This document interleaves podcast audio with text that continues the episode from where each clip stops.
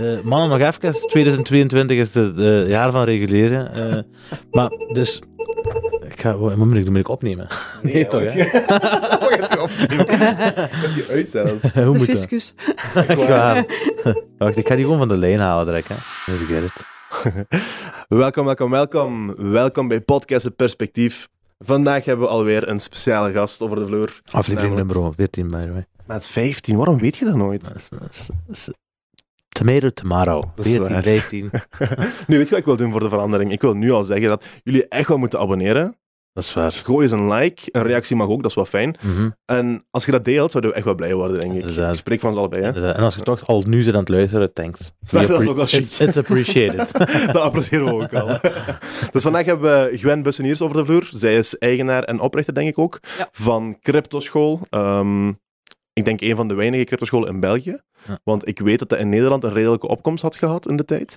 Uh, maar in België heb ik er eerlijk gezegd nog geen gezien. En jij bent de eerste die ik ben tegengekomen. Dus de crypto-aflevering, daar zijn we Dit is de crypto-aflevering. De crypto-aflevering. Uh, ja, de crypto-aflevering. ja. Uh, ja, ik ben niet de enige. Uh, er zijn nog wel, laten we zeggen, uh, docenten. Mm -hmm. um, maar ja, meestal zijn die zich gaan specialiseren in traden of bepaalde tradingtechnieken. Um, maar ik probeer het een beetje ruimer te trekken. Hè. Dus ik ga algemene opleidingen geven. Dus ik geef ook, laten we zeggen, voorlichtingscursussen via Sintra. Ah ja, oké. Okay. Mm. Um, de meer specifieke, hè, het leren hoe beleggen. Hoe, hoe, koop ik bitcoin? Daar heb ik drie cursussen op mijn school staan. Naar gelang, hè. Maar zijn er, dus, dus ik, ik ben een novice, hè, dus ik, ben, Ja, ja, ik weet niks ervan. Hè. En jij zegt nu dat er drie cursussen nodig zijn voor mij om gewoon bitcoin te kopen. Nee, nee. Oké, Voor, voor bitcoin is er maar eentje. oké, voilà. Ik heb het, kan ik heb het opgesplitst gesplitst volgens de verschillende karakters. Dus voor u specifiek is er één. klaar. Oké, wat bedoel je daarmee? Uh, opgedeeld volgens karakters. Um, ja, je, je, hebt, je hebt beleggersprofielen. En we moeten ook een beetje kijken naar, naar de wetgeving. Bijvoorbeeld, wat veel mensen niet weten, in België ja, kan het zijn dat je belast gaat worden op je handelen in cryptomunten.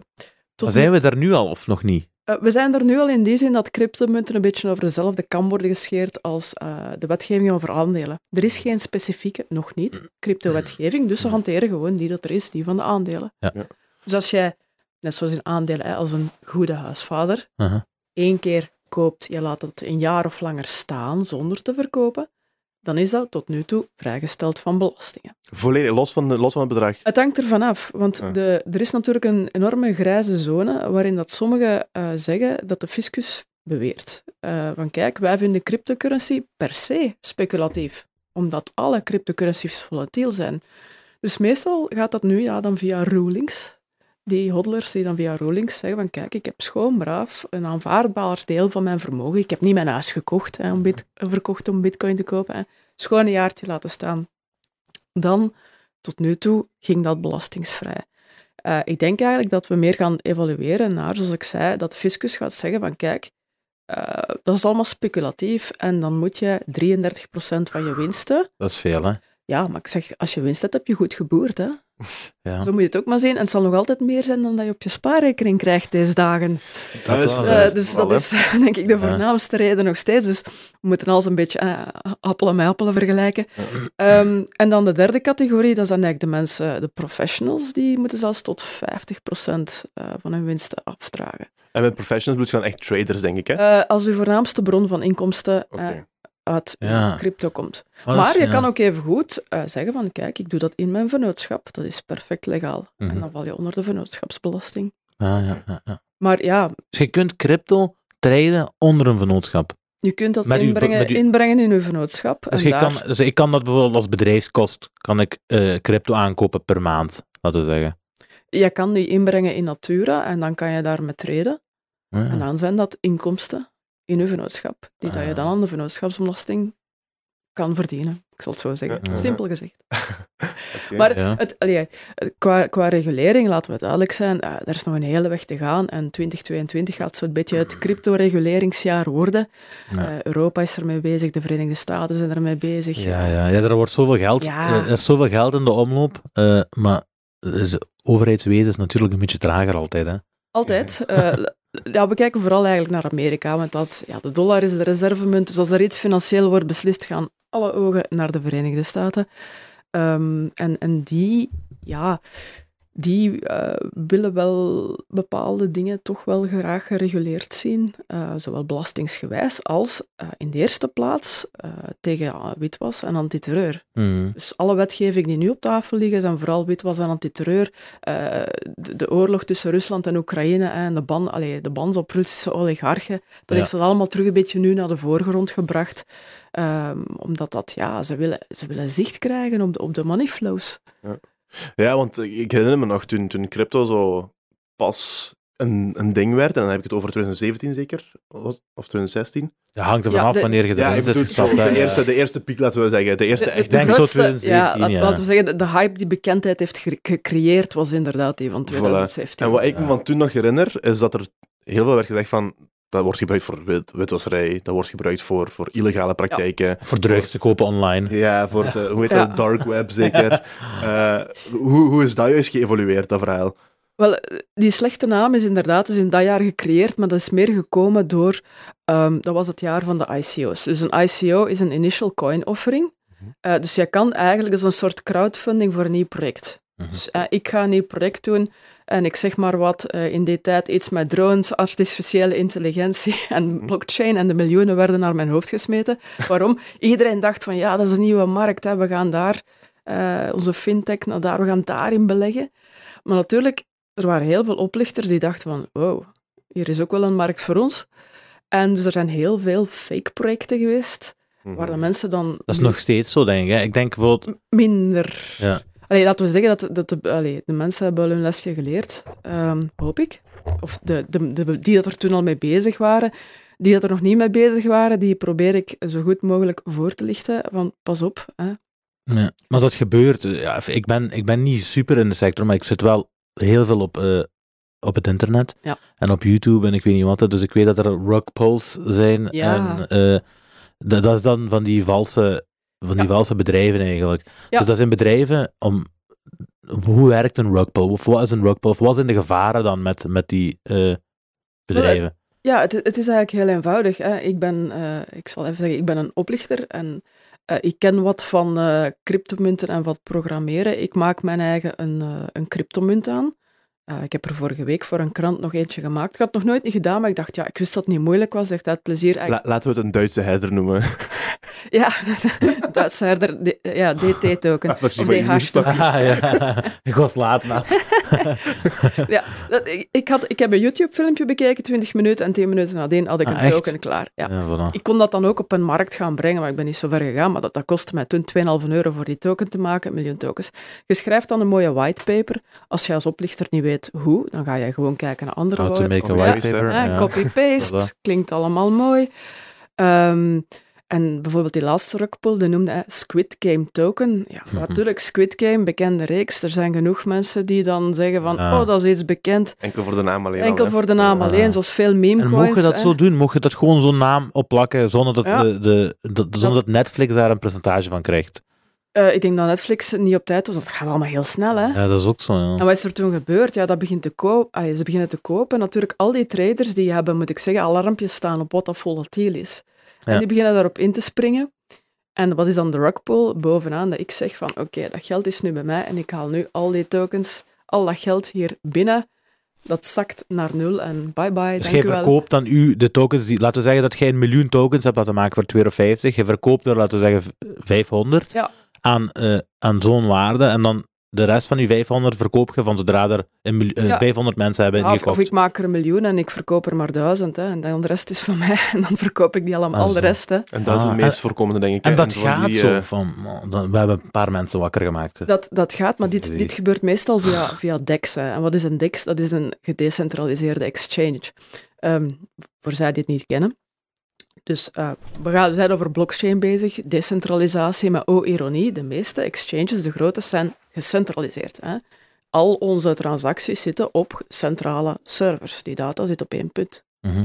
Bij een DEX, een gedecentrale, en de gedecentraliseerde. Maar natuurlijk, ja, daar, zitten, daar is nog minder controle over. Dat zijn Maar wat, wat betekent dat juist, het decentrale erin? het decentrale, oké. Dat is eigenlijk het fundament van blockchain. Hè? Mhm. Ehm, dus wij, als wij op onze computer een, eh, een Excelletje hebben gemaakt, wij maken dat en we slaan dat op op ons harde schijf en nadien roepen wij dat terug op Of op een bedrijf heb je een server, hè, dat al het personeel zijn Excelletjes naar die server schrijft en dan terughaalt als ze daar willen wijzigen. Maar dat zit op één punt. Als die server in brand schiet, en doet data Ja, niet meer. ja. Wat is nu het geniaal aan een blockchain? Is van, kijk, je hebt het internet. Daarbovenop eh, laat je computers zich met elkaar verbinden volgens de software. Dus elke crypto of elke blockchain heeft zijn eigen software met zijn eigen regels. Hè. Dus je hebt een Bitcoin-blockchain, een Ethereum-blockchain, een Ripple-blockchain en et cetera. Die computers, of we zullen ze nu nodes noemen, hè, volgens de vakjargon, die gaan hè, ons lijstje opslagen in elke computer. Dus er zitten 100 computers op, het zijn er veel meer, maar, hè, en die hebben allemaal ons Excel-lijstje. Als dan 50 van die computers hè, in een brand verloren gaan, hebben wij nog altijd ons lijstje. Eigenlijk, als er één computer nog werkt, hebben wij ons lijstje. Ja. Dus dat is het voordeel aan gedecentraliseerd. En of dat dan nu een lijstje is, of een stuk software, een applicatie, hè, want je hebt ook gedecentraliseerde applicaties, Mhm. dApps. Als er nog maar één toestel werkt, heeft, hebben alle gebruikers toegang tot de data. En we hebben het over gebruikers van zoveel, 100.000 tot een miljoen, afhankelijk van de crypto zelf, toch? Eh, nee, de, de, inderdaad. Nee, je hebt de applicatie, die draait op de computers. Nu, die applicatie, die werkt met tokens. Mhm. Eh, stel nu dat de applicatie een spelletje is en in dat spelletje kun je zwaardjes en schildjes kopen, Mhm. dan heb jij dat token nodig om daarbinnen met dat spel jouw zwaardjes en schildjes te kopen. Maar als belegger kan je ook dat token kopen, want als er meer spelers zwaardjes en schildjes kopen, gaat de prijs van dat token misschien in waarde stijgen. Mhm. En dan als belegger geniet jij mee van het succes van dat spel. Dus de, de cryptocurrencies zijn de vertegenwoordiging van een project meestal. Hè. Een- Dat kan een spel zijn, een, een, allee, het kan eender wat zijn. Bitcoin is de vreemde eend in de bijt. Daarmee dat die, veel mensen zo verward zijn. Bitcoin heeft maar één doel, waardetransacties via zijn token Bitcoin. Dat is eigenlijk het enige wat echt als geld Echt als fungeert, geld. En Ja, die, ja. die heeft, die heeft een hele Bitcoin blockchain. zelf, hè. Ja. Ja, die heeft een hele blockchain voor zich alleen. Ja. Bijvoorbeeld op Ethereum, dat is ook een blockchain, daar worden al die applicaties op gebouwd. Misschien wel 2500 tokens die allemaal op de Ethereum-blockchain zijn. Ja. Ja. En dus jij kan investeren in het platform, in Ethereum, maar ook in elk van die applicaties apart. Mhm. Ja. Eh, er wordt vaak gezegd dat er zo één munt gaat worden uitgekozen om eh, de nieuwe form of currency, of is dat, is dat, is dat Hm. bull? Wat is het? Wat, Uh, dat, is, ja, dat, is, dat is inderdaad een beetje, een beetje groot praat. Ehm, Bitcoin tot nu toe is king. Mhm. Mhm. Eh, is Bitcoin het ideale betalingsmiddel? Helemaal niet. Oké. Is het de, eh, de munt die het best is voor waardeopslag en het beste lange termijn belegging? Misschien wel, Mhm. al naar gelang jouw beleggingsstrategie. Hè? Als je, ik zou zeggen, als je nog niet bekend bent met de cryptowereld en je wilt lange termijn wat beleggen, ja, hou het dan bij Bitcoin. Wat, is, wat is lange termijn? Ik heb nu, op het moment hè, dat we nu zijn aan het praten, eh, ik spaar, hè, maar ik zet niks in crypto. Dus ik heb momenteel 0 euro in crypto en ik voel me een beetje uitgesloten. Oh, Eh, ja. Ehm, ik denk dat vroeger was het andersom, maar ik denk dat ik nu de uitzondering ben. Eh, vroeger was het eh, hier en daar hoort je wel iemand die iets heeft in crypto, maar nu is het van en je hebt er nog niks in. Mm, Snap je? het, het valt mee hoor. De, de beste cijfers. Zijn er cijfers zo? Ja, de beste cijfers, maar die komen dan ook weer uit de Verenigde Staten. Daar is toch 20 tot 25 procent is er mee bezig. Hier is sowieso denken. minder, hè. Maar je moet zo denken, hè. 20, 25 procent is ermee bezig en dan heb je nog mensen die niet met een gsm kunnen omgaan. Dan heb je nog, want je moet, je, je kunt geen dommerik zijn eigenlijk als je in, in crypto wilt gaan investeren, niet? Dat is redelijk simpel eigenlijk, hoor. Het is, het is vrij simpel. Ik zie mezelf niet dom en ik heb nog geen euro erin gestopt. Snap je? Maar dat, is- maar Gewoon dat is omdat jij geen onderzoek naar doet. Ja, ik heb jij hebt er nog geen vertrouwen in. Ik heb er, ik heb er geld in. Nee, het is steken, niet van ik heb er geen vertrouwen in. Ik heb er wel vertrouwen in. maar dan, dan niet genoeg, want je doet er geen onderzoek naar. Want ik, ik, geloof niet dat ik er geld mee ga verdienen nu, nee. Ik geloof Maar niet dat gaat ik het er... ook niet. Je zegt toch net zelf, je- als je wat op je spaarrekening zet, geloof ik ook niet dat je binnen vijf dagen Nee, geld op kan maken. Nee. Je zet dat aan de kant omdat je iets van een fundament wilt, je wilt iets van een basis waar je op kunt terugvallen, moest het nodig zijn. En wat ik zeg, of wat, wat Gwen waarschijnlijk ook zegt, of wat de crypto believers zeggen, is dat je dat geld beter in crypto steekt, want dan gaat je waarde erin stijgen. Mhm. Dat blijft niet op je spaarrekening, waarin de waarde zelf zakt, want de euro-ding is... Ja, ja, inflatie. Ja, ja, ja. inflatie, voilà. Ehm, maar het gaat er juist om dat, dat die waarde gaat stijgen, hoogstwaarschijnlijk. Dat is wat we hopen en dat is wat de believers zeggen. Maar, En eh, dat is wat ik ook effectief geloof. Ik geloof dat, dat het toekomstige, niet per se valuta, maar dat is wel het dat is gewoon de toekomst. Daar gaat waarde, die waarde ervan gaat blijven stijgen, is wat ik persoonlijk geloof. Want je ziet ook die trend in, in het dagelijks leven. Alles is digitaal aan het gaan, alles is AI, metaverse, noem maar op. Alles is gewoon digitaal aan het Ja, gaan. ja, dus waarom zou dan currency niet digitaal gaan? Ik, is ik, zie, ik merk dat de Emre is een eh, bitcoin-maximalist, zoals ze zeggen. Bitcoin gaat blijven Nee, ik stijgen. overdrijf gewoon. Ik overdrijf graag om, u, om de punt duidelijk punt te maken. ja. Maar ben- dat is nodig Uiteraard, als ik, als ik zie dat ik een goede bij kan pakken, ja, dan ga ik dat er ook gewoon uithalen. Ja. Ja, ik, ik ben een, een, een bitcoin-minimalist, dus ik geloof ook in die andere currencies. Maar om op jouw vraag eh, terug te komen, hè, is het wijs of niet? We weten nu inderdaad door de inflatie, als we onze euro's nu op de bankrekening laten staan, Mhm. denk ik dat we er mogen van uitgaan dat we volgend jaar 10% armer zijn. Ja. Dat mag je, denk ik, als een realiteit gaan afvaren. Mhm. Nu, is het moeilijk? Ehm, nee, je kan... Ik, ik heb zelfs eh, gratis eh, cursussen op mijn website die jou in een uurtje ben jij vertrokken. Ja. En wil jij beleggen, dan mm, ik denk dat dat een vijf uur en een half is. En dan weet je hoe dat je bitcoin moet beleggen. Mhm. That's it. En En dat is echt voor leken, hè. ik Nul, zou, dus nul, als, ik het, als ik zoiets zou doen, als ik mijn, mijn eh, hard verdiende geld daar zou willen instoppen, zoals de meeste mensen, zou ik, ik zou die risico's, ik weet van altcoins en ik weet niet wat, hè, ik zou, ik zou niet te veel risico nemen. Dus als ik, laten we zeggen, per maand 100 euro of ik zeg maar 300 euro in bitcoin zelf, in bitcoin zelf zou stoppen, wat heb ik er dan? Nu, het is moeilijk om te zeggen, hè, ik weet het. Maar hoe ziet het eruit? Hoe ziet mijn geld er dan? Want u zegt 10% armer ben ik als ik dat gewoon op de spaarrekening heb gezet. Heb gezet. Hoeveel armer of rijker ben ik dan als ik na een jaar eh, eh, in bitcoin heb geïnvesteerd? Wel, op dit moment kan ik dat moeilijk zeggen, omdat Ja. de cyclus en de boelmarkt is al bezig. Ja. De verwachtingen van de grotere traders zijn van, kijk, als we nu stijgen, als er geen eh, black swans, als er alsjeblieft geen nieuwe coronapandemie komt, als de wereld uit zijn eh, logistieke problemen komt. We zitten natuurlijk in een uitzonderlijke Ja, eh, periode. Ja. eh, dan zou de volgende stap richting de 100.000 zijn. 80.000, Ah ja, echt? 100.000, ja. En nu zit je op ongeveer Op 60 40 of zeker. zo, of hoeveel? Eh, momenteel zit hij rond de 37 à 40.000 dollar. Ja. dollar. Ik, ja, Dollar, ik ja. denk in dollars, Ja. excuseer. Eh, maar de mensen die deze boelron zijn begonnen, eh, die, de, de absolute low was 7, eh, 3000 dollar, denk ik. Dus eh, er was een goed instapmoment 7, 9000. Ja, die hebben al 300 tot 400 procent winst en die wachten rustig af. Hè. Maar het is, het is die van, die, de mensen die in bitcoin investeren, Ja. die, die doen dat ook zo. Hè. Dus ik, er zijn een aantal YouTubers die gewoon zeggen, ik zet per maand 10.000 dollar, gewoon Ja. elke maand, voor de rest van mijn leven ben ik van plan om 10.000 euro in bitcoin te stoppen.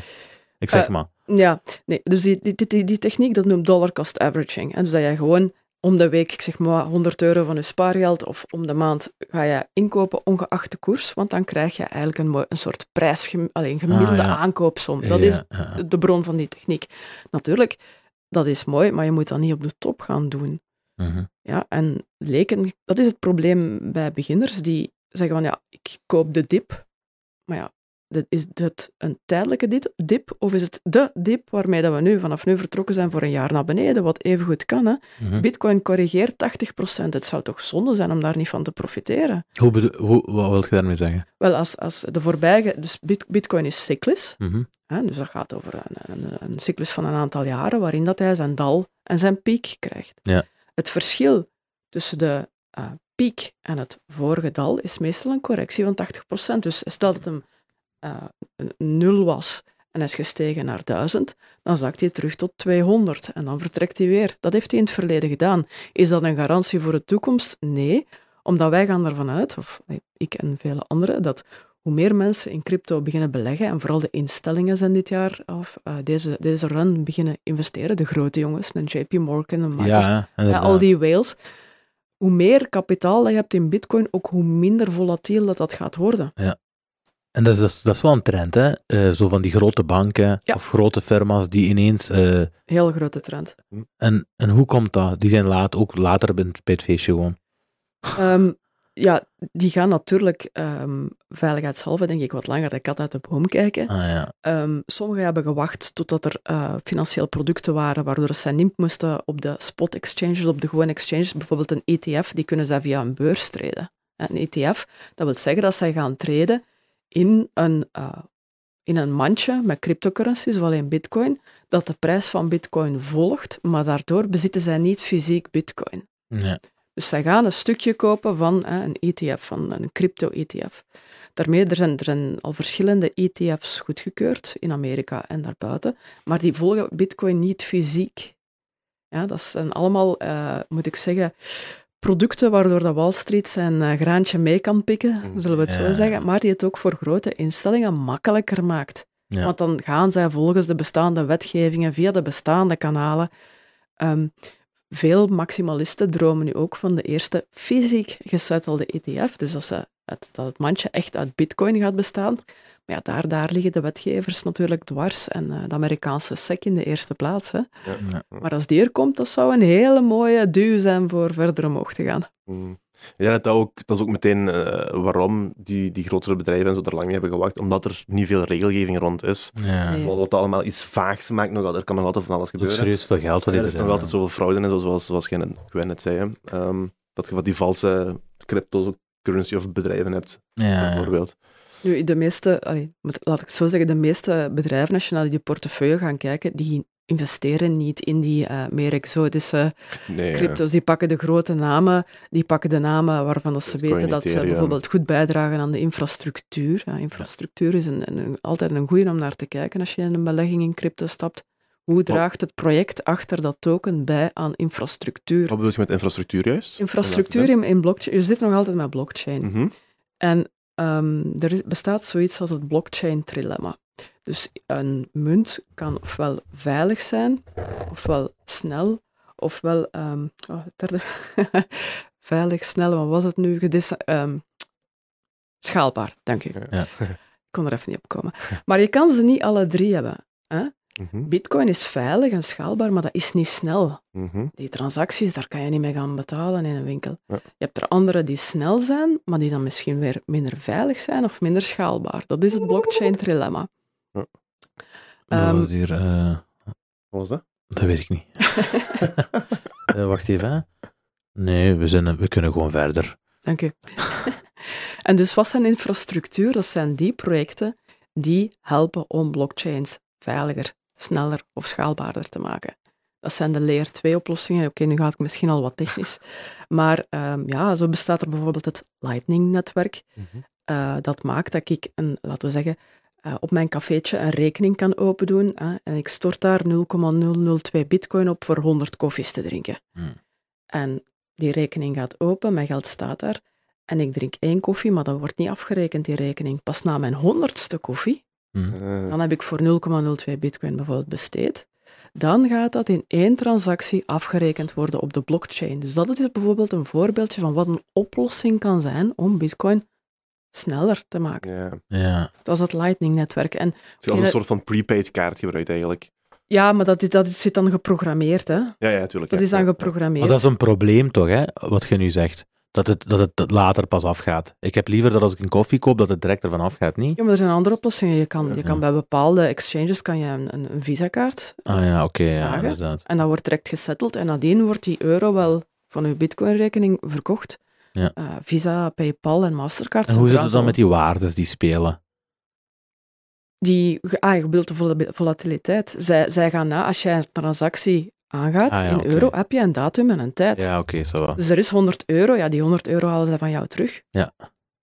Op dat moment dat je die hebt Ja, van, ja, Ja, van het moment dat je die hebt aangekocht. Zij zorgen ervoor dat als misschien, misschien kan het al wel in jouw nadeel zijn of in jouw Ja. voordeel als bitcoin heeft bewogen. Maar ja, kijk, het zijn de regels van het spel. Mhm. Oké, ja, ja. Iemand die, iemand die, zoals mij, ik denk dat je er veel gaat hebben, zoals mij in uw crypto school, die er nog niks van kennen, wat raad je hun aan om als eerste investering of als... eh nee, wat is uw advies daarop? Altijd, altijd beginnen met bitcoin. Altijd. Omdat bitcoin, ik zei het, is, het is de koning van de markt. Dus als je gaat kijken dagelijks hè, aan de massa geld die er wordt verhandeld in de hele cryptomarkt, dus de som van alle aan- en verkopen, is al naar gelang het seizoen, hè, is 40 tot 70 procent van die massa toe te schrijven aan bitcoin. Dat maakt ook dat als die munt naar beneden gaat, gaan al die andere coins en tokens mee naar beneden. Die sleurt die mee naar beneden en naar boven. Waarbij dat de altcoins, alle cryptomunten die geen bitcoin zijn, zijn altcoins, meestal sneller omhoog gaan, maar ook sneller naar beneden gaan. Mhm. Dus je moet eerst bitcoin begrijpen, je moet die cyclus begrijpen, en dan pas ga je verder naar altcoins. Dat is, Toch als belegger. dat is grappig, want je zei net dat ik eh, oh, een, een bitcoin Maximalist. maximalist was. Hè. Ja. Ik heb geen geld in bitcoin zitten. Mijn, mijn, het grootste deel van mijn portfolio zit in Ethereum. Dat is ook niet slecht. Ah, wel, voilà. Dat is omdat... Dat is ook zo. Ik denk dat Ethereum de, de tweede meest stabiel is, misschien niet. Of hoe wordt dat Kun gezien? je zeggen, globaal gezien is dat wel wat de meeste mensen zeggen, denk ik. Hè? Ehm, ja, maar het is niet altijd zo geweest. Hè. In de beginjaren was Litecoin de nummer twee. Hè. Bitcoin was het goud, Litecoin was zilver. Ah, ja. Maar die lijst, die lijst eigenlijk is opgemaakt uit wat ze noemen de market cap. En wat is een market cap? Je neemt het aantal bitcoin in omloop. Hè. Er zijn nu 19 miljoen in omloop. Mhm. Maal de dagprijs. Ik ga het niet uittellen, maar dat geeft een monsterlijk bedrag. Mhm. En je doet dat bij al die andere, andere coins. En dan maak je een filter van groot naar klein van die bedragen. Ja. Dan zie je dat de market cap van bitcoin is en altijd is gebleven de nummer 1. En dan de nummer 2 is nu Ethereum. En hoe, hoe, om, om snel erop in te gaan, hoe komt het dat kan Bitcoin in plaats van 19 miljoen coins er morgen bijvoorbeeld 25 hebben worden gestoord? Eh, dat is de overheid hè, die zich probeert te moeien met, eh, met onze centen het- die we verdienen op, op crypto. Eh mannen, nog even. 2022 is het eh, jaar van reguleren. Eh, maar dus. Ik ga, wat moet ik doen? Moet ik opnemen? Nee, toch, hè? Wat gaat je opnemen? Ik heb die uit zelfs. Hoe de moet dat? fiscus. Wacht, ik ga die gewoon van de lijn halen direct. Hè. Speaker hier, wacht, stop. Dat was een mute. Ah, dat is mute, ja, inderdaad. Hier, volume. Ah, la, nu zijn we er. Straks gewoon terug opzetten. Oké. Maar zelfs niet. Maar, eh, eh, dus waar was ik nu? Eh, ah, kan Bitcoin zeggen eigenlijk, we hebben, of, want dat is met crypto, dat is met mining denk ik, hè, maar daar, Ja. daar weet ik ook niet veel over. Maar je, dus je hebt 19 miljoen bitcoins, zeg je nu. En Mhm. Ethereum heeft er hoeveel dan? Ethereum dus heeft er veel meer, maar die kan erbij maken Ah, of ja. verbranden. Dus Dat is het grote En verschil. Bitcoin hè. kan dat niet. Dat moeten we, Nee. dat moeten we Ja, misschien maar, ja, uitleggen. voilà, dus dan is de waarde Wat is van... het speciale aan Bitcoin? Ja, ja, oké. Inderdaad, wat, ehm, wat is er speciaal aan bitcoin? Dus de, de man of vrouw of groep, want ze weten niet wie... niet bekend, Nee, hè. Ja. Satoshi Nakamoto is een pseudoniem, maar we weten niet wie dat is. Ehm, die heeft, eh, bitcoin en alle andere tokens zijn geprogrammeerd. Het is geprogrammeerd geld in het geval van bitcoin, hè, want bitcoin heeft maar één doel, waardeoverdracht. Ehm, die heeft in dat programma geschreven van kijk, er zullen er maximum 21 miljoen staan en dat staat gebeiteld in steen, dat kan niet veranderen. Er is natuurlijk ook een hele, moet ik zeggen, community en verschillende lagen van admins die die code ehm, beschermen. Dus jij kunt niet zeggen van eh, ik ga even beslissen, ik ga dat veranderen naar 25 miljoen, want je moet een heel proces doorgaan, eer dat er een update aan bitcoin mag doorgaan. Dus nee, dat blijft 21 miljoen. Ehm, en die man was ook zo slim om te zeggen van ik ga die niet in één keer op de markt loslaten, want ja, als er morgen een meteoriet vol goud neerstort, dan gaat de prijs van goud kelderen, want er komt opeens heel veel goud op de markt. Ah, ja. Dus dat wil je niet. Je wilt als er iets nieuw bij komt, dan, dan creëer je een beetje inflatie. Als er meer van een goed op de markt komt, dan zou de prijs normaal gezien wat dalen. Dus je wilt dat dat heel traag gaat. Dus sinds de begindagen, en daar komen de miners eh, en die nodes ook aan te pas.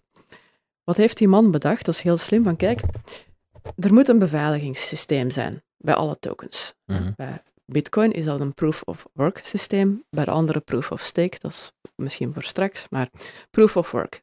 Wat heeft hij gezegd van kijk, als ik een Bitcoin transactie doe naar Emre, ik stuur die transactie uit, die wordt opgevangen door die computertjes die met elkaar zijn verbonden, Mhm. Nodes, hè? die nodes, ja. En daar komen die miners langs, want die krijgen twee soorten vergoeding. vergoeding. Die krijgen één, een commissie hè, van mijn transactie. Als ik een transactie doe op Bitcoin-netwerk, dan moet ik ja, dus misschien toch wel 14, 20 euro betalen. Dus je doet dat niet voor 10 euro. Hè, dus. Hm. Oké, goed. Dus die miners die komen langs, die zien al die transacties daar in de wachtkamers van de node staan. Die scheppen die samen en die gaan een blok vormen. De grootte van dat blok, bepaald door de code. eh, Satoshi Nakamoto heeft gezegd, bitcoin 1 megabyte aan eh, transacties is een blok. Maar je moet je dat, allee, je, moet je dat indenken, hè, dat ziet er echt zo. Maar dus denkbeeldig een blok. ja. En dan die miner, die wil dat blok aan de andere transactieketens vastketen. Dus blokkenketen, blockchain. Mhm. Want dan, als die daaraan vast is, dan is mijn betaling naar Emre volledig. Daar kom ik zelfs op terug, Emre. nu, dat vastmaken aan die keten, dat moet natuurlijk beveiligd zijn, want anders kan ik een valse transactie steken in een blok. Hè? Nu, hoe doen ze dat? Al die miners ter wereld, die hebben 10 minuten de tijd om een wiskundige puzzel op te lossen. En eigenlijk moeten ze dat raden. Ze moeten een getal gaan raden. dat gaat aan triljarden oplossingen per seconde. Daar zit dat elektriciteit, eh, dat, die, dat het vreet die elektriciteit, waar dat Ja. de milieuactivisten het over hebben. Hmm. Dat vreet computerkracht en computerkracht vreet elektriciteit. Als één miner de oplossing heeft, dan mag die zijn blok aan de blokkenketen vastketenen, maar dan krijgt hij ook 6,25 bitcoin. Reken maar uit, vandaag de dag. E- Echt waar. dan. Ja, dus er zijn heel veel mensen die zeggen van ik ga van die mining toestellen, want ik wil ook kans maken hè, om zo'n blok vast te maken en dan krijg ik 6,25 bitcoin. Dus er dat is een heel- beloning dat van is de Bitcoin beloning. zelf, ja. dat is de beloning van die miners. Die toestellen zijn ook wel duur, hè? De, Ja. Die zijn duur en zoals ze zegt, Ja. die vreet elektriciteit. Hè? Dat zijn Ja. nu meestal firma's die heel mining farms eh, hebben. Ja. Hè. Dus vroeger kon je dat op je laptopje, die tijd is al lang gedaan, dus nu zie je echt zo van die hangaars vol met... Zot, van die hè, toestellen. machine, echt, hè, zo- Ja. Zoals de computer vroeger was eigenlijk. Ja, beeld je in zo'n oude datacenter, beeld je Ja. daarin. Ja. Maar dat zijn gewoon machines die zijn Ja, meen. hè. mining Echt zo, mink, Ja, ja, ja. Dus dat is ook een business geworden. ja. En waarom hebben ze dat gedaan? Ja. Stel dat ik wil inbreken op dat proces, dan zou ik 51% van de rekenkracht van alle miners ter wereld moeten hebben. Ik denk alle serverparken van alle grote techbedrijven ter wereld hebben die rekenkracht niet. Dus daarom is dat zo moeilijk gemaakt. Ja. Het is simpel moeilijk gemaakt, maar het moest. En nu, waarom moet die blok eraan vastgewaakt worden, Emre? Wel, als jij gaat zien, als ik bijvoorbeeld via de bank aan jou betaal, de bank die heeft ook zijn lijstje van hoeveel staat er op de bankrekening van Gwen en hoeveel staat er op de bankrekening van Emre. Mhm. En dan noemen ze een, eh, een groot boek. Ja. Of in de, allee, in de Engelstalige een ledger. hè. Mhm. Nu, zo'n groot boek, hoe ziet dat eruit op een blockchain? Dat is net hetzelfde. Het zijn al die transacties, maar in plaats van in een boekje of op, of op digitaal in een lijstje, is dat daar in blokjes aan elkaar geketend. Dus als die miner mijn transactie, dat blok met die transactie heeft vastgemaakt aan de blokkenketen, dat wil eigenlijk zeggen dat vanaf dan officieel in steen staat gebeiteld, Gwen heeft twee bitcoin aan Emre betaald, ik ben er twee armer, Emre is er twee rijker, en voilà, we hebben betaald. Ah, wel, hier is waar het complex wordt voor mij. Of ja, complex, wat, ik, dat is een van de weinige dingen die ik hierin niet begrijp. Je hebt dus het, het, het mooie aan, aan crypto is dat dat geëncrypteerd is, Mhm. toch? Ehm, tegelijkertijd is het vervuilen aan crypto dat dat niet traceable is. Of dat je, er, dat je er zwarte dingen mee kunt doen, hè? dat je er illegale dingen mee kunt doen. Dat is een misvatting. Ah, wel, ja, dus dat is wat ik dus niet begrijp. Ehm, Hoe kan dat? Want zoals Ja, gezegd, je ja, de blockchain staat er juist voor dat alles vast staat. Ja, dat je je alles kunt kunt niks zien. veranderen, ja. je kunt alles zien. en het is transparant, hè? En Voilà, maar tegelijkertijd zeggen mensen, ja, maar er wordt zwart dingen, er wordt drugs verkocht, er bla bla bla. Dat, Ja, dat, dat vind is- ik een beetje moeilijk om te begrijpen. Ja, dat is een van de, moet ik zeggen, ja, negatieve vooroordelen. Ehm, nee, er is niet zo transparant als een blockchain. Alles van een blockchain, jij kan, allee, als jij mijn adres weet, kan je perfect gaan, gaan zien dat ik twee bitcoin heb gestuurd naar jouw adres. Maar die man dat dat opzoekt, die weet niet dat jouw adres is cijfertjes en lettertjes. Die weet niet dat de persoon Emre Wie ik ben, daarachter zit. Ah, Dat ja, wil dat- niet zeggen dat justitie dat niet kan. Want dat is nu wat er gaande is, dat Voilà, want bij al uw, Eh, bij al uw ja. portemonnees moet je jezelf gaan bewijzen, je moet jezelf identificeren. Dus dat, Ja. dat is, dat, Voilà. daar werd het complex. Dat, daar Ja. op Daar wordt het, inderdaad. Wat dat er nu wel gebeurt is, eh, wie, wie zegt, eh, het kan zijn om malafide eh figuren bij een exchange onder een valse naam een wallet gaan aanmaken. Mhm. Maar dat is dan niet de fout van blockchain en bitcoin, dat is gewoon de kunde helaas van die fraudeurs. Maar dus daar is waar het dan fout loopt. Daar is waar het dan bij het fout gebruiken van een valse identiteit. Valse identiteit, valse firma's, eh, mixers, dat zijn dan nog eens ja, speciale tools die, die heel die transacties opsplitsen in kleine en verspreiden over, over het netwerk, gewoon om het, Ja, eh, ja. ja, om het justitie moeilijk te maken. Maar justitie is dan een inhaalbeweging nodig. Maar denk dus niet dat eh, crypto gelijk staat aan anonimiteit, pardon, anonimiteit, zoals veel mensen denken. Dat is niet zo. Ja, maar het is dat, omdat ik weet dat dat, zoals gezegd, hè, alles is, dat is, dat is juist heel transparant. Eh, Het is juist heel transparant. maar nu, we, we hebben het een beetje over blockchain gehad. Hè, en eerlijk gezegd vind ik dat interessanter dan, dan crypto zelf. Dank en u. En dat, ja, dat is mijn punt. Ik snap waarom je... Ik heb mezelf net eigenlijk verkeerd verwoord. Want ik heb heel veel het woord valuta gebruikt. Hè, en dan heb ik verwezen naar eh, bitcoin. Ja. Maar dat is niet waar ik achter sta. Dat is wat, wat die mensen die erin gaan investeren, dat die zo denken. Maar waar ik achter sta, is dat Ja. blockchain eigenlijk de, de technologie van de toekomst is. Dat Ja. is wat ik eigenlijk bedoelde. Ehm, en meteen wil ik dan ook de vraag stellen, wat is, wat is blockchain? Kort uitgelegd, want je hebt het net eigenlijk al uitgelegd. Ja, ja. Eh, wat zijn vooral de mogelijkheden Met van blockchain? Ik zal een paar voorbeeldjes geven. Ja. Ehm, een heel mooi voorbeeld, persoonlijk vind ik, is landregistratie. zeker in landen waar landregistratie niet zo nauw genomen wordt door de, eh, laten we zeggen, de groten om de kleintjes te benadelen. Ehm, Voornamelijk Afrikaanse landen dan. eh, ja, ik, maar hè? ook Oosterse landen. Ja, Eh, in, ja. eh, in China zijn ze er ook al mee begonnen. Ah, juist, ja. Dat ze eh, zeggen van kijk, dat land van jou, dat staat nu op de blockchain en daar kan geen discussie over zijn. En, En zo naar de Oeigoers. Pardon? En zo naar de Oeigoers. en zo, om een voorbeeld te, eh, te geven, hè, bijvoorbeeld Haiti, meer dan tien jaar geleden, die aardbeving. Mhm. hè, alles lag daar in puin, maar ook alle gebouwen van de overheid. Dus de gebouwen die inderdaad de landregistraties beheerden, die waren weg. Ah. En ze hebben nu dan bijvoorbeeld ontwikkeling of de, eh, van nieuwe terreinen gegeven aan ontwikkelaars. En daar staat dan ook met één klein eh, boertje zegt, ja, maar mijn veld ligt daar onder het puin. Oei, Bewijs het maar. Had Haiti zijn landregister op een blockchain gehad, dan had er, als er nog maar één computer werkte, hadden ze al hun gegevens nog gehad. Oh ja, oké. Dat, is al- ook- dat is al reden genoeg, denk ik. Ja, Hè? ja. je En hebt die ook- computer moet niet in Haiti zijn. Nee. Dat is vooral het mooie, denk ik Dat dan. is, dat is Ja. inderdaad waar. Dat is in orde. Ja. Of je, hebt, of je hebt ook landen die zeggen van kijk, wij gaan onze verkiezingen zo organiseren. Dan heb Ah, je ja. Ah, volledig geen- ja. 100% transparante verkiezingen. Er zijn geen... Maar zou je dit niet, zou je dit niet kunnen... eh, want op het internet, als ik nu op, op, op, mijn, op mijn gsm ga en ik Nee, ga nee. op Facebook of op Twitter en ik kan gewoon met... Ik kan een account maken, hè, eh, floppy disk eh, 305, en ik kan naar u, naar Gwen sturen en ik kan, ik weet niet wat zeggen, omdat dat niet is verbonden met mijn identiteit. Maar zou je dat niet, zou ze dat niet kunnen evenaarden met ook dat te doen? Oh, Want ik denk dat dat er ook ooit van gaat komen. Dat we niet altijd anoniem op het internet gaan kunnen blijven surfen. Nee, dat je identiteit gaat moeten eh, linken of ik weet niet wat. hè. Snap je? Jawel, maar daar komen nu de, de wetgevers eh, aan te pas. Hè. Dus de wetgevers eisen meer en meer, dus eh, KYC, en Know Your Customer. Ja. Dus het is zelfs nu zo dat ze, eh, ik denk dat het de richting gaat gaan, dat ze gaan zeggen van kijk, ehm, crypto of exchange, als jij in Europa wilt verkopen aan de Europeanen, dan moet jij aan jouw klanten een KYC-procedure opleggen. Dus in, in beginjaren, ik denk dat ik accounts had op hè, 50 exchange, eh, exchanges, Binance bestond nog niet eens toen kon je gewoon met een e-mailadres en een naam starten, zoals jij nu zegt. Ja. Maar sindsdien, eh, een kopie van jouw identiteitskaart. eh, ze willen weten, bijvoorbeeld, ze kunnen even goed vragen, ik heb het al meegemaakt ook, ze vroegen mijn loonbrief. Hmm. Ik had mijn aandelen verkocht. Ah ja, maar dat komt niet overeen met je loonbrief. Vertoon, toon maar eens aan dat je aandelen hebt verkocht. Dus ze zijn heel, heel streng. Ja. En dan heb je ook Ja. nog eens onze banken, die momenteel niet al te happig zijn. Maar ja, we zitten nog wel volgen na Amerika. Ja. Ja, ja. eh, We zitten in een ontwikkelingsfase. Ik zeg altijd, eh, denk aan die eerste gsm's, die bakstenen aan uw oren. Daar, 33 daar zitten we nu. Hè. Dus we hebben nog wel een weg te gaan, maar het gaat razendsnel.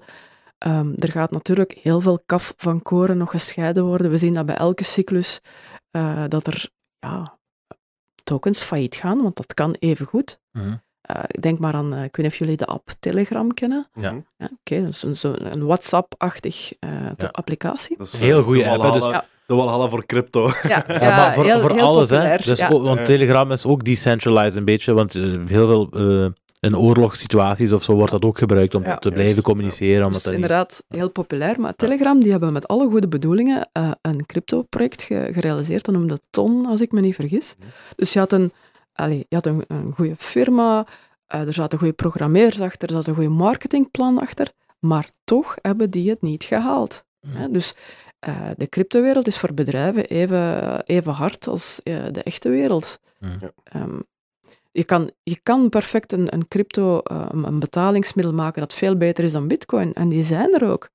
Maar je gaat nooit meer bitcoin inhalen. Ja. Dat gaat niet meer. Tuurlijk. Ja. Eh, Ethereum, dat is iets anders. Eh, Ethereum heeft ook lang gedacht van dat blijft de, de, het platform voor applicaties. Maar we hebben nu gezien, je hebt een Solana gehad, Ja. een Polkadot, dat zijn netwerken, dat zijn eigenlijk rechtstreekse concurrenten van die nummer 2 Ethereum. En die zijn goedkoper dan Ethereum ook.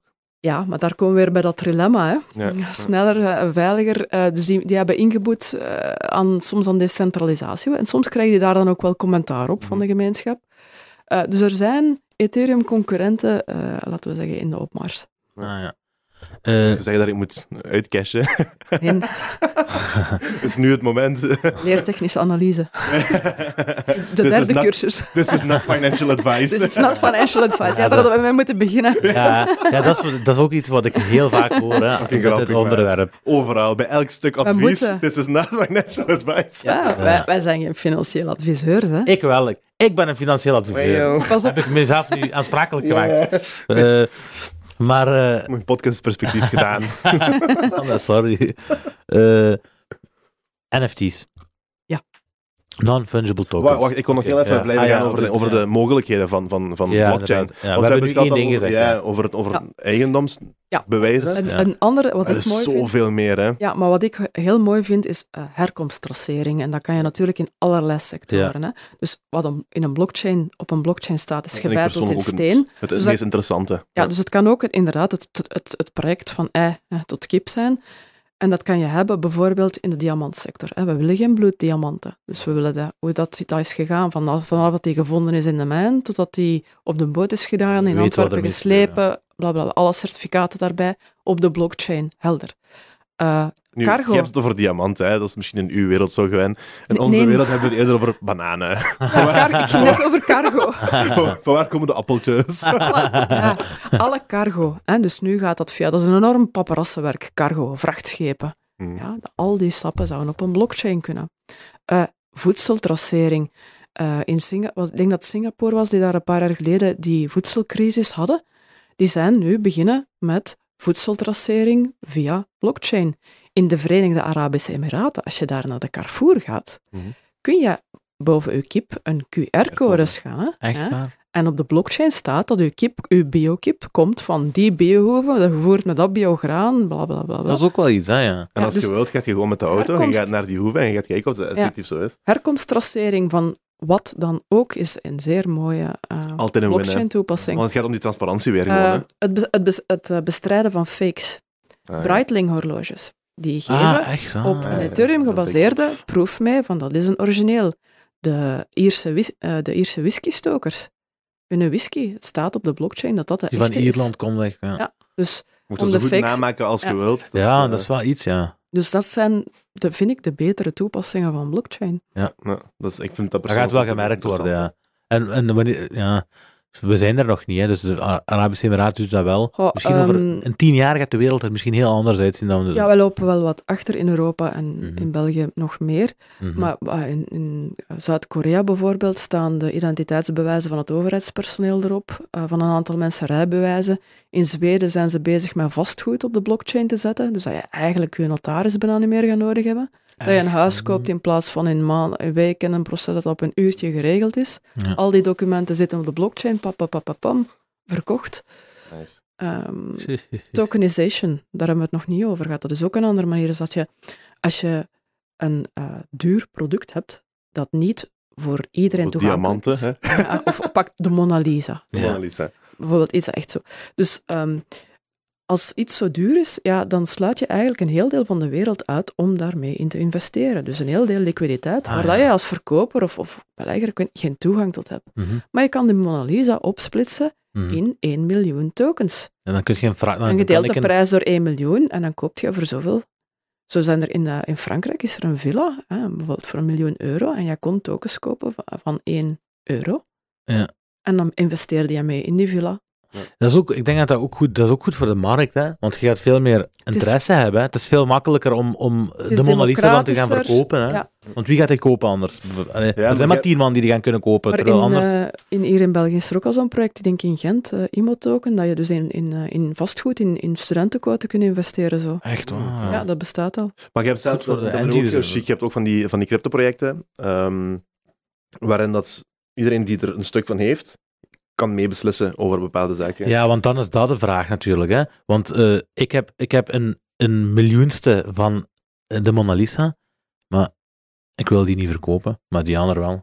Je, wilt die niet, je wilt die niet uit de Louvre krijgen en iemand Ja, anders wel. Inderdaad, of bijvoorbeeld zo, ja. Maar dat is al, weet je, daar is dan een eh, smart contract aan verbonden, Hmm. dat op de blockchain staat en ongewijzigd. Dus jij, net zoals bij alle andere transacties, zal jij jou op voorhand moeten, moet ik zeggen, ehm, moeten overeenkomen of, of aanvaarden wat dat in dat contract staat. Er gaan geen verrassingen zijn. Dus voordat jij dat token koopt, weet je heel goed wat dat de regels en voorwaarden zijn. Ja, ja. En dat smart contract staat op de blockchain. Ja. Kan niet, niet Dus het- meer aan. eh Dus het valt perfect af te spreken eigenlijk. Jij weet perfect in wat je investeert en wat dat jij gaat kunnen en niet kunnen. Ik denk dat, dat iets wat aan het opkomen is, heb ik het gevoel. En er zijn er meerdere van die, van die zaken, maar vooral in sport denk ik dat dat veel gaat doen. Met kaarten Ehm, en zo. ja. NFT's, nu komen we aan de Oh, NFT's. Zeker ook Ja. NFT's, maar ook cryptocurrency zelf. Dat- Zoals gezegd, die tokenization heb je ook, hè, dat Ja, je met die fan tokens... tokens. Dan, Ja, exact, fan Ja, tokens. fan Dat tokens. je daarmee dan ja, bepaalde goederen kunt winnen, kunt aankopen, ehm, meet and greets en dergelijke zaken kunt. Ah, dingen van voetbalploegen, van vechters, van noem maar op. Die- Dus dat gaat wel een, een, dat gaat iets worden, denk ik persoonlijk. kan een abonnement bevatten, dat kan een soort, een soort VIP-status geven, waardoor jij eh, mee achter de coulissen mag gaan, of, of spelers mag ontmoeten, of aan bepaalde evenementen mag deelnemen waar anderen niet aan mogen deelnemen. Ja. Dat kan allemaal met fan-tokens. Mhm. Eh, je kan daar ook mee, eh, ik zeg maar, waar je t-shirts kopen in de fanshop. Ja. Ehm, maar je kan daar eender wat aan koppelen. Ja. Eh, NFT's, ehm, om dan nu Ja. NFT's te komen. En wat is een NFT? Wel, waar de, al die andere tokens, hè, van Ethereum bestaan er heel veel, van alle andere cryptocurrencies bestaan er heel veel, maar van een NFT bestaat er altijd maar één. Dat is een uniek stuk. Ja. Ehm, voor wat wordt dat het meeste gebruikt? Nu, dat is kunst. Digitale kunst wel te verstaan. Dat is, een goed, dat is goed voor de kunstenaars, hè, by the Het way. is ja, ja en nee. Oké.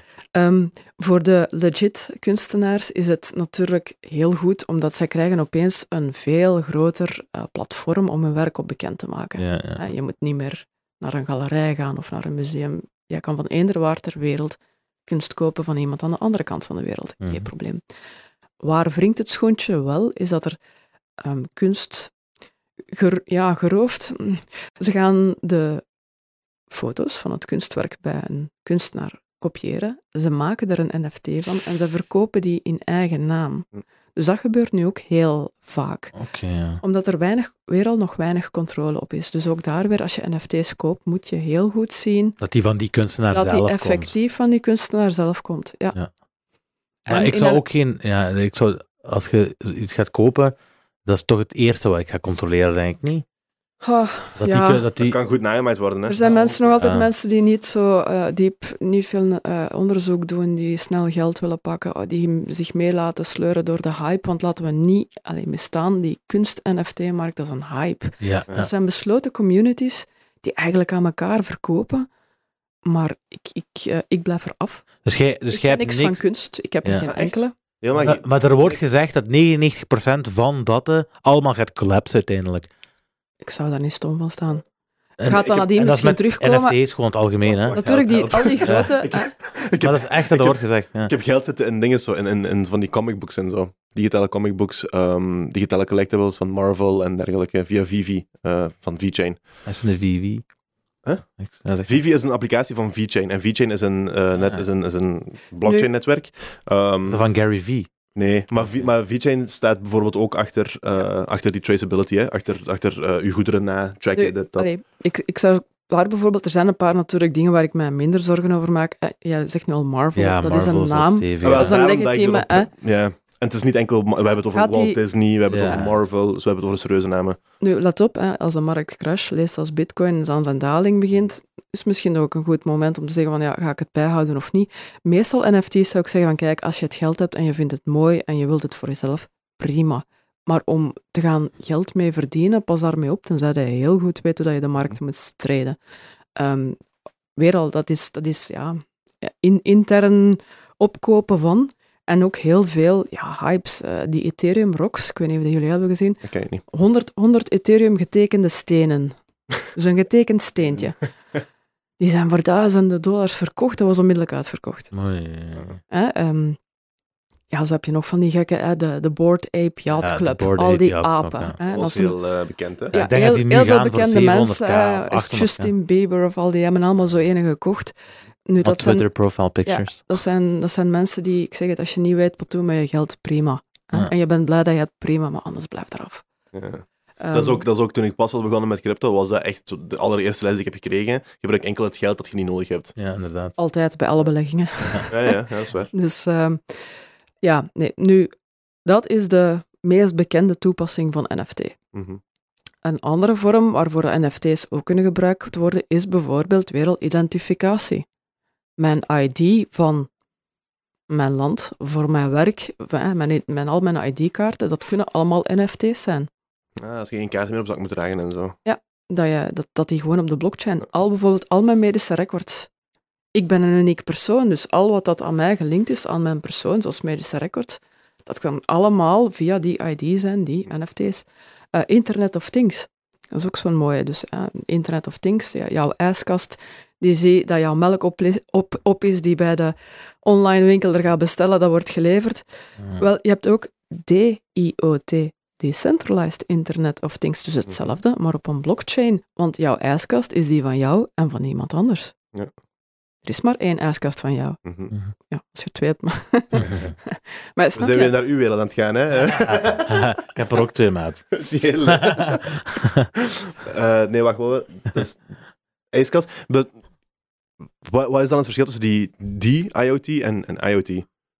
Hoe dat de dataopslag van de applicatie... Dat is het enige verschil, hè? Hoe dat wordt opgeslaan. Ja. En, en wat is dan het voordeel aan die IoT tegenover IoT? Als er met de eh, computers iets gebeurt, Ah ja, oké. dat- ja. dat die applicatie die gaat altijd blijven werken, Ja. onveranderd, censuurbestendig. Vooral ook dat, hè, ja, ja. censuurbestendig. Hè. Dus dat, dat blijft gewoon het grootste ding van die Ja, decentralized. er zijn andere landen die bijvoorbeeld zeggen, eh, oké, een China die met pas en de onpas bepaalde applicaties Mhm. censureert. Dat gaat niet met een DAP, Ja, ja, ja. Omdat dat decentralized is. decentralized. ja. Ja, Dat is mooi, hè? Oké, en NFT's, je zei net, eh, dus hè, kunst, ehm, Identificatie. identificatie. Waar, want je zei ook, hè, in kunst zou jij niet beleggen, kunst NFT's, Omdat ik... eh, nee, of investeren. Eh, het, het, het ene, het is, het is gewoon niet mijn ding ook niet. Hè. Eh, er ja. zijn mensen die daar veel geld, maar dan... Ja, je moet er iets van kennen, je moet iets van de markt kennen, ja uiteraard. en ik, ik probeer zoveel mogelijk alles op te volgen, maar ook ik moet mijn grenzen trekken. Ik denk dat ik al één à drie uur per dag bezig ben met alles op te volgen. En dan nog eens de markten, hè, want ik ben natuurlijk ook een, een belegger. Maar ja, ik moet ergens mijn grens trekken en hier wacht ik nog een beetje af, omdat ehm, sowieso kijk ik graag de kat uit de bomen van die nieuwe hypes. Ik wil zien, komen die nog terug? Ehm, is de toegankelijkheid verbeterd? Is de wetgeving verbeterd? Ehm, en dan wil ik daar nog eens een tweede blik op werpen. Maar tot nu toe is het voor mij nog eh, te moeilijk. De juiste tools zijn er nog niet. Hoe kan ik het kaf van het koren gaan Mhm. zonder mij in kunst te moeten gaan verdiepen? Want ik heb geen ambitie om mij in kunst te gaan verdiepen. Ja. Dus ja, het is nog een beetje te, te ontoegankelijk. Ofwel misschien, ja, Om, vraagt te veel werk. om het in termen van cold hard, cold hard cash te zetten. Hè? Je hebt een cryptoschool, dus je hebt sowieso al mensen over de vloer gehad die hebben gezegd, kijk, man, ik heb eh, dit en dat gedaan, ik heb zoveel geld verdiend en ik heb dat ook verkocht, of ik weet niet wat. Hè. Mhm. Wat, wat is zo het, eh, het grootste bedrag of wa- wat je hebt gehoord? Want ik hoor, ik hoor, van, ik hoor hier en daar, ja, die, heeft, die, was vroeg in bitcoin in 2014 of 15 en die heeft dat toen verkocht gehad in 2000, ik weet niet wat. Hè. Die heeft daar toen 2 miljoen euro aan verdiend. En die heeft daar echt 2 miljoen euro in zijn zak. Ja, de meeste mensen die ik binnenkrijg, dat zijn beginners. Hè. Ja. Dus die, ja, je, je leest wel of je ziet wel de verhalen op YouTube. Ehm, en dat zijn meestal Dat zijn die, crypto millionaires, echt, hè? echt zo die, die, die meestal jonge mensen die in het begin op hun laptopje Mhm. hè, daar zoveel honderden bitcoins hebben gemijnd. En De geeks, hè? die, ja, de geeks en die zo slim zijn geweest van ze vasthouden. Tuurlijk. Ja. Dan moeten we natuurlijk... Hè, eh, Ja, ook want dan dat- heb je ook die verhalen van Ja. die En genoeg mensen. Ja. Ja, dan- want die man, er was, er was een krantartikel dat een man 10 bitcoins heeft ge- ge- eh, betaald aan één pizza of Ja. zoiets. Ja, Pizza Day. Ja, ja, ja, Maar ik dat is een, eh, een feestdag in cryptoland, hè, Pizza Day. Ah, echt? Ja, ja, ja. Door dit voorval dan misschien. Ik heb in mijn, in mijn boek staat een, eh, een artikel met de link erbij dat je kunt zien zelfs hoeveel de pizza's vandaag waard zijn. Het is, het is, het is waanzinnig. Ik ken het niet van buiten. Hoeveel dat die twee pizza's vandaag waard zijn. Ah, ja, ja, ja, ja. En je hebt dus inderdaad Bitcoin Pizza Day. Dat is een eh, feestdag in crypto. Ah, ja, echt. ja. Maar eh, allee, zo heb ik... Ik ken er veel mensen zo, hè. Ja, ik heb ooit bitcoin gehad, maar ik heb dat verkocht. Ja, Of, of, of die man die dan eh, zijn, eh, eh, met een laptopje harde schijf bijgehouden en dan weggesmeten. Hè. ah, ja. En dat ligt daar nu over Ja. een vuilnisbelt, waar het drie jaar eh, was het 50.000 ton per jaar. En die wilt nu, die looft nu geld uit van, allee, die wilt eigenlijk dat vuilnisbelt gaan omspitten, Maar hij mag niet van de gemeente voor de milieuregelingen. Maar daar ligt dus voor miljoenen, honderden miljoenen aan bitcoin ergens op dat vuilnisbelt. Normaal. Maar hij mag er niet aan. Dat is toch zot, hè, ja. Dat is niet En dan normaal. brand jij. Dan brand Ja, dat is om te rotten, hè. Ik, heb gisteren, ik, heb, ik ben gisteren 50 euro kwijt gespeeld. Dus uit mijn zak gevallen. En ik was ook aan het branden. Echt? Ik heb het Heb over je echt 50 50 gezet? 50 euro kwijt? Wacht, wacht, wacht op het transverhaal. Ik heb het over 50 euro, hè. Die man heeft het over miljoenen. Ik ben 50 euro kwijtgespeeld. Ik ben, we zijn gaan rondrijden, bla bla bla. Uiteindelijk, ik zei, hey, ik wil echt gaan teruggaan naar die plaats waar, we, hè, waar ik denk dat ik die ben kwijtgespeeld. Dat go. buiten, hè. Ja. Maar ik zei, meestal, als ik zo'n dingen doe, ik zweer, ik vind dat. Die, dat Ja. geluk heb ik, je weet dat. Dat Ja, geluk heb ik. Dat, dat is, the universe loves me. ik zweer dat we zijn teruggegaan. De eerste plaats waar ik dacht dat die was, live gevonden, tussen de struiken. Ah, 50 euro. echt? En dat was misschien een uur nadat ik die ben kwijtgespeeld, hè. Buiten, wind, alles. Helemaal goed gemaakt. Ja, maar ik, was, ik kon maar zeggen, ik was aan branden hè, voor die 50 Ja, euro. Dat is een vieze. Ik was aan het branden. Maar dus, dus met 105, met laten we zeggen 100 miljoen of ik weet niet wat, hè, Maar- gaat je niet gewoon branden. Je gaat letterlijk je gaat in de grond zakken. Lava, gaat- lava. Echt waar, lava. Echt waar. Vesuvius. maar, eh, Die voor. ja, ik weet niet meer waar we waren, maat.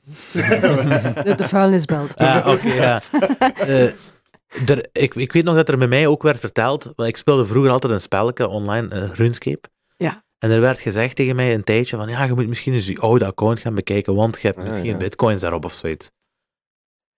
Ehm, En dat heb ik ook nooit begrepen. Want, want als er bitcoins waren op RuneScape, dan ben ik zeker dat ik er had. Want ik heb veel gespeeld? Ja. En ik heb Gamer, echt hè? gemined hè, toen. Ik, heb ook, ik was echt een miner op dat spel. Dus ik weet niet hoe dat kwam dan, maar... Is er zoiets? Weet je, kent je zo'n relatie? Ehm, ik, weet, ik weet dat een van de bekende YouTubers, Ivan on Tech, dat was ook een RuneScape-fan. en ja, er, was in, er is inderdaad een link, maar, Ja, er is een link, maar... er is een link, maar het is te lang geleden. Ja, Ik zou voilà. eens opzoeken als ik u was. Ik weet Hm. nooit, hè. Ik heb al geprobeerd om in die account te geraken terug, maar ik ben er niet in geraakt. Dus ook al wat... Maar, ja, ik weet het. Maar ik kan misschien nog meer moeite doen wel. Dat kan. Maar ik moet wel zeker zijn of dat... eh, of, ik er iets moeite waard is, ja. Ja, het wordt Makes altijd sense. meer waard. Hè, dus, ja, eh, maar voilà, dan laat ik het erop. Ik heb wel investeringen in crypto, blijkbaar. Snap je? In mijn Je weet gewoon niet hoe je eraan moet geraken. Ik weet niet of er iets is zelfs. ja, want dat zie je ook, hè, van die mensen die dan hun bitcoin hebben opgeslagen op zo precies een USB-achtig apparaatje en dan, oh jee, mijn wachtwoord. ja. Daar heb je dat, hè. Je Dat is geld- ook een verhaal, hè. Wat, eh, Ja, ja, ja, dat is ook een verhaal nu. Ja. Eh, er zijn geweest, die had echt een enorm bedrag, maar die heeft het via een white hacker is gelukt. hm. Eh, die had van de tien pogingen nog maar twee pogingen over. Oh.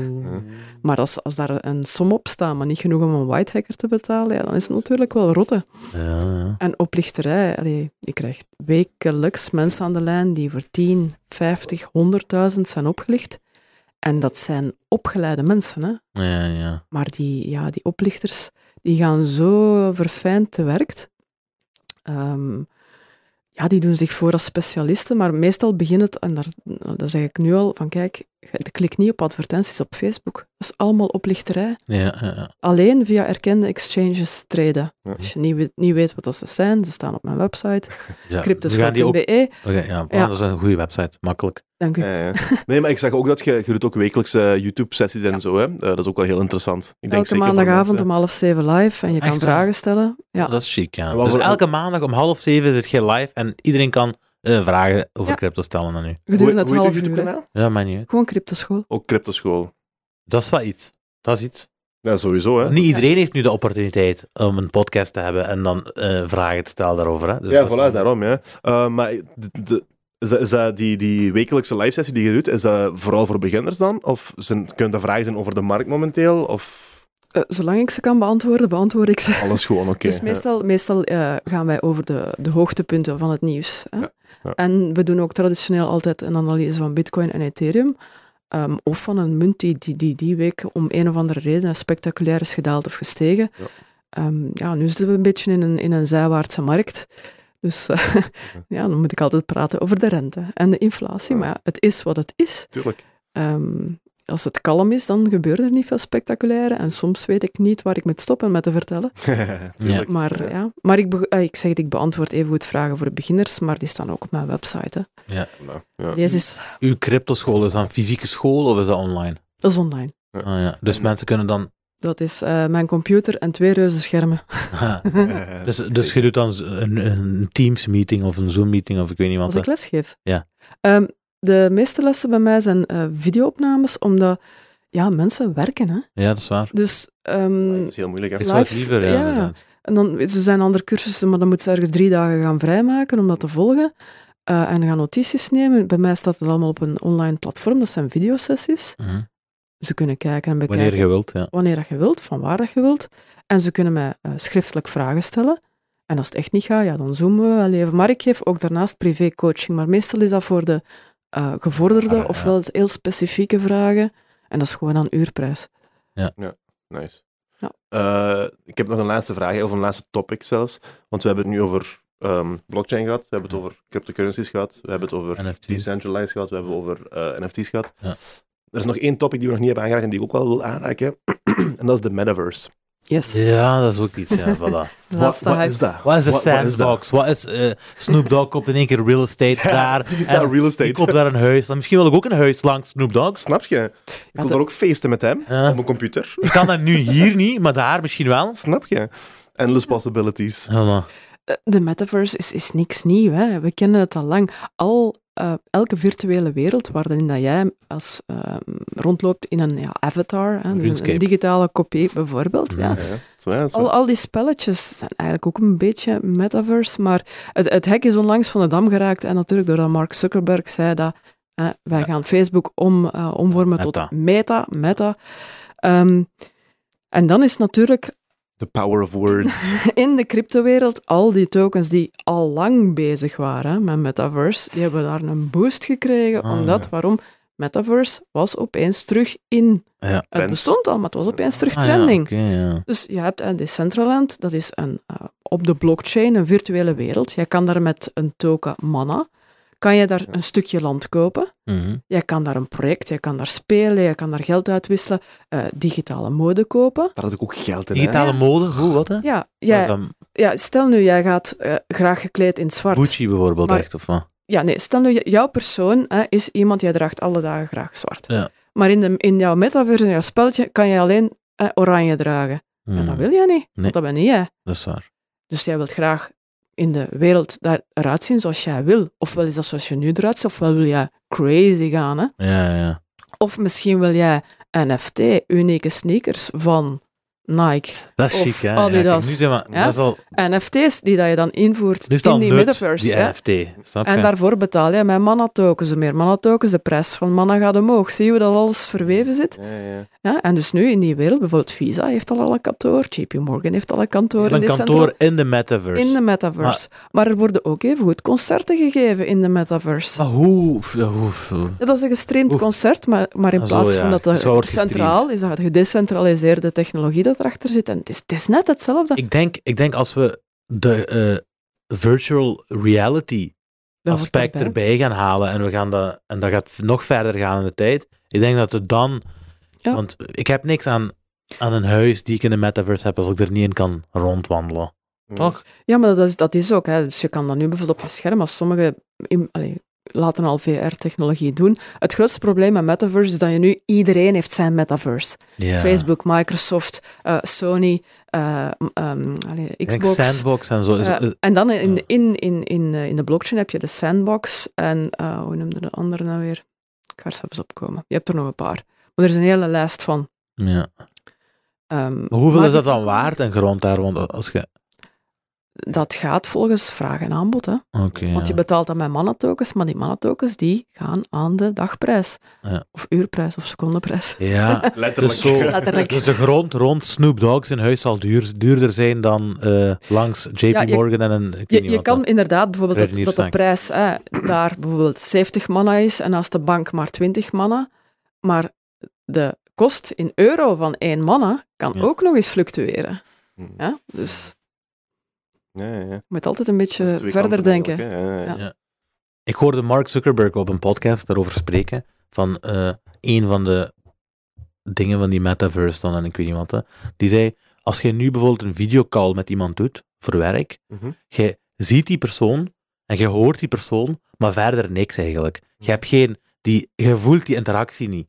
En wij willen eigenlijk, een, laten we zeggen, met, in die metaverse dan, of met virtual reality ook zo'n, laten we zeggen, als je een meeting hebt met iemand in, A- in Amerika of ik weet niet wat, hè, dat je ook echt een virtual room hebt waar je in kunt wandelen, waar je in kunt zitten, waar je elkaar, zoals wij nu zijn aan het spreken eigenlijk, diezelfde communicatie dan omvormen tot dat. Ja, alles om de meetings minder saai te maken. Ja, maar dat- als ik zoiets hoor, als ik, dat, ik kan relaten Ja. Ja, naar dat, eh, snap je? Want, want, dat is er, want wij, zijn, wij denken dat we ver zijn hè, met FaceTime en ik weet niet wat. Hè. Maar als ik dat dan hoor, dat is iets helemaal anders. Hè. Ja, Dat is eh, communicatie op, naar een volgend niveau. klopt. Daar zit zeker veel potentieel in. En of het nu op een blockchain is of niet, dat is een ander verhaal. Hè. Maar metaverse en blockchain ontmoeten elkaar in applicaties zoals Decentraland. Maar dat is zoals En de sandbox, Ja. inderdaad, die Dat is, andere. want we gebruiken nu twee van de zes of zeven zintuigen. Hè? Ja, voilà. En zoals gezegd, we zijn onder de indruk. Ja, ja dus we hebben nog een hele, ve- eh, nog een hele weg te gaan. een aantal ja. zintuigen te gaan. ik denk eh aan that call eh, kunnen we afronden. Tenzij je nog vragen hebt. Tenzij jij nog iets wilt delen. Ik denk dat ik al heel veel verteld heb. Ja, we hebben, we hebben Nee, in, ik zou in dit zeggen- uur zoveel mogelijk proberen te delen. Ja, ik, ik zeg het, als je, als je een beginner bent, eh, doe eerst je research en eh, ga eens kijken op cryptoschool.be bij de beginners. Daar wordt je al heel veel beginnersleed bespaard, denk Ja. ik. En er is ook echt heel veel gratis content beschikbaar. Hè? Zowel op uw site als, als, als Ja. op het internet in het algemeen. Gewoon, er is echt heel veel Ja. eh, content beschikbaar. En ik denk dat de grootste tip is, doe echt uw research. Hè. Niet zomaar erin springen. Niet denken, ik ga rijk worden, ik ga hier geld. Doe echt wel je research. Inderdaad, En probeer het te begrijpen, gewoon zou ik zeggen ook. Vooral sta- dat. en start slow misschien. Bekijk ook de schoonheid van de blockchain naast Ja. uw geld. Ja, voilà. voilà. Want dat, dat is wat ik zeg. Ik ben er echt ingestapt met de Ja. gedachte van, ik geloof dat dit de toekomst is. Ja, ja. Ik ben er niet ingestapt met, ik ga geld maken. Nee, ik ben er echt ingestapt met, ik geloof dat dit de toekomst Ja, de is. blockchain is wel een... een Ja, dan heb ik het over de blockchain inderdaad. Blockchain Ja. is here to stay. Exact dat, ja. Voilà, Gwen, bedankt om te komen. heel graag gedaan. Eh, het was, eh, ik heb veel geleerd vandaag. Dus misschien dat ik eh, straks mijn eerste euro ga, eh, mijn eerste euro's ga stoppen. Eerste eh. barkie, eerste ja. barkie. Nee, als ik iets, als ik, ja, inderdaad. Ik zou drie barken of zo misschien als de eerste Ik keer. denk, ik denk dat ik ben begonnen... 100 euro per maand misschien. Het allereerste wat ik 150. erin heb gestoken was denk ik 250 euro. Ja. En ik denk na een maand of twee, want ik was een, een goede periode ingestapt. Ethereum was toen ik denk 350 euro, 400 euro. Dus dat was in oktober ofwel 2020 ofwel 2021. Dat is ook goed dat je er zo open over praat. Ik denk dat mensen er niet zo open over praten. Ik, Kan ik ben er helemaal live over dat hoor ik graag. Ik heb, ik heb in totaal heb ik, ik heb in totaal 1000 euro erin gestoken in crypto. Dat is Ja. echt weinig. Ja, ja. Maar 1000 euro. Pak, nee, sorry. Pak 1500 euro ongeveer. En ik denk dat nu mijn totale portfolio ongeveer 5 à 6000 euro waard is. Let's en ik go. Heb, ja, Let's go. En ik, heb, en ik heb periodes gehad dat die op 7 à 8k stonden. Voilà, nu zijn we aan het praten. Ja. Dus dat is heel mooi, hè? Dat is Zeker. Dat is of- heel mooi. Ofwel En- één jaar, of minder dan... Ik weet niet... Ethereum was echt... Ik heb die op ongeveer 300 à 400 euro gekocht. En ik weet dat het in oktober was, maar ik weet niet meer of dat 2021 was of 2020. Ik ken de charts nog, nog niet allemaal van buiten, ja. Ja, Oké, ja. Maar ik wil het zelfs voor jou opzoeken, Ja, met ik denk plezier. eerlijk gezegd 2021. En dat wil dan zeggen dat ik in minder dan een jaar Ja, we, tijd... zitten, we zitten nu rond de 3000 dollar, hè, dus... Ja, wel, voilà. Ah, Mink, ja, ja. Ja, ja, ja. Ah, dat is iets, ja. Nu, ik heb ook bewogen en zo. Ik heb uitgehaald, ik heb ingestoken, bla bla bla. Maar een all-round wil dat zeggen dat ik in minder dan een jaar tijd eh, mijn portfolio maal 6, 7 heb gedaan. Beter dan de bank. Veel beter dan Veel de beter bank. dan de bank. Ja, ja, ja. Ja. Ja, dat is iets, ja. Kijk, dat motiveert mij. Hè. Kijk, dat, motiveert, dat motiveert mij. De echte cijfers. Voilà. Snap je? We kunnen het hebben over ik weet niet wat, hè, maar die cold hard cash. Wat jij zegt, van, ik heb van graag, 1005 6k gemaakt. Dat hoor ik graag. Ja. Hm? Dus, eh, als ik zin heb, dan doe ik dat vanavond. Inshallah. On that note, ehm, bedankt om te kijken allemaal. Ja. Gaat je uw ding nog doen? Mensen, 70% is nog niet geabonneerd eh, die nu zijn aan het kijken. We zijn een uur verder. We geven jullie hier... Ik zeg, die crypto-aflevering waar we, waar we een tijdje op hebben gewacht, die is er dan nu. Hè? We doen die moeite. Eh, we brengen, ik weet niet wie allemaal hier aan deze tafel. En jij kunt niet gewoon abonneren of wat? Dat is, is een, moet een interactie zijn hier. En eh, ik voel die nog niet. Maar als je zit aan kijken tot nu toe, je zit een uur aan het kijken, dat betekent toch dat je eh, iets of wat eh u hebt geamuseerd hier. Eh, dat is één knopje. Druk op de abonneerknop. eh, hier en daar ook een commentje plaatsen. Als je al een uur en een kwartier bent aan, aan het spreken, dan vind ik toch dat, we, dan, dan vind ik toch dat, dat ik uw gebruikersnaam moet zien passeren Ja, toch. op de comment Zeg dat maar. 100%. Eh, en hetzelfde voor dat like gedeelte. Man, represent een beetje. Eh, GG's, thanks voor het kijken. Ja.